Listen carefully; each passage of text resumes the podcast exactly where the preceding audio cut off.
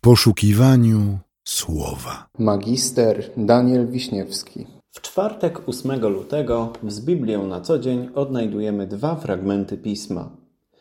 Pierwszy z nich pochodzi z Trenów, z rozdziału trzeciego, z wersetu 26.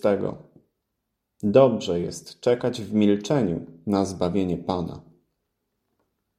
Drugi fragment zapisany jest w liście do Hebrajczyków w rozdziale 12, w wersetach pierwszym i drugim.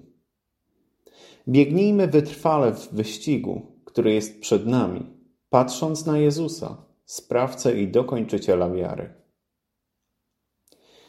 Są w życiu takie sytuacje, kiedy mamy przed sobą pewne zadania lub posiadamy jakieś swoje oczekiwania, ale nic z nimi nie możemy zrobić.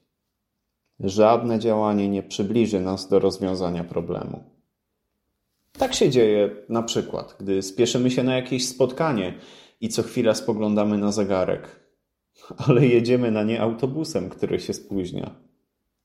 Albo gdy pieczemy ciasto i chcemy, by upiekło się szybciej, jednak musi się ono wypiekać w określonej temperaturze przez określoną ilość czasu, bo inaczej się spali. I dzieje się tak także wtedy, kiedy przeżywamy tragedie, na które nie mamy wpływu, takie jak na przykład żegnanie się z bliską osobą. I możemy jedynie czekać. Ciężka sprawa być skazanym na czekanie. No właśnie, czekanie. To nie jest dla nas komfortowa czynność. Jeżeli chcemy osiągnąć jakieś rzeczy, to raczej jesteśmy skłonni do działania niż siedzenia w miejscu. No bo co dobrego może mi w końcu przyjść z takiego czekania? Przecież bez porusz poruszania nogami nie posunę się do przodu. Jaki to ma sens?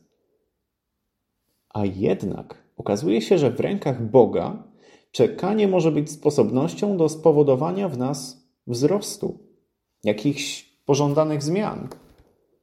Być może przez taki upływ czasu Bóg nas czegoś chce nauczyć, na przykład tego, jak mu mamy zaufać.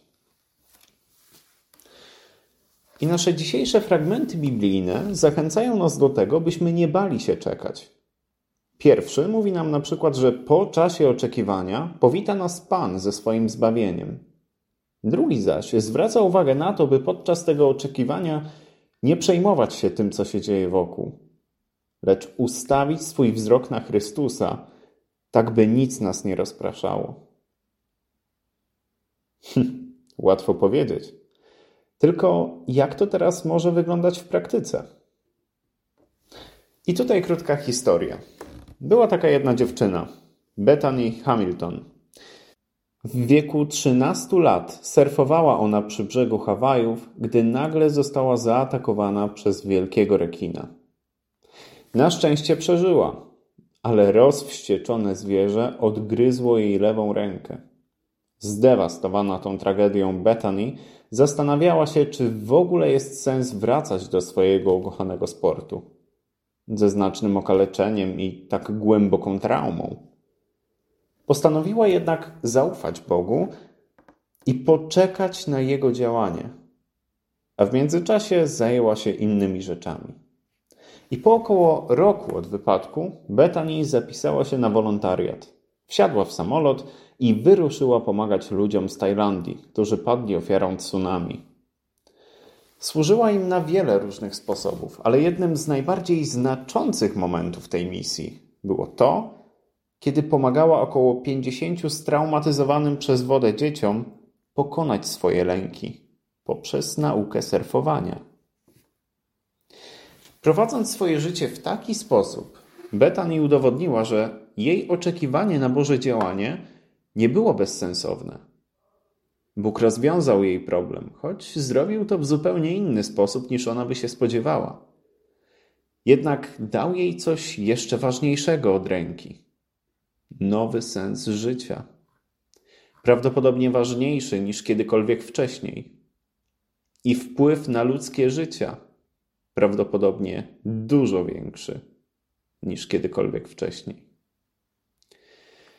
Ta historia pokazuje nam, że Boże drogi być może nie zawsze są dla nas zrozumiałe, Być może nie zawsze będą oczywiste, ale zawsze doprowadzą nas do pięknego celu.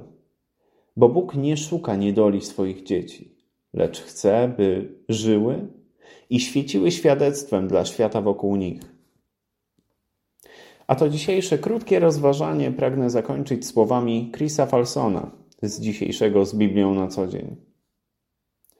Chcę iść jak Ty, wiarą żyć jak Ty, co krok jak Ty. Chcę, Panie, ufać Ci. Kiedy stawiam krok wiary, trzymam się i nikt nie zdoła zachwiać mej twierdzy. I każda ma modlitwa głosem wiary jest. Gdy mój Bóg jest ze mną, powiedz, któż przeciwko mnie? Amen.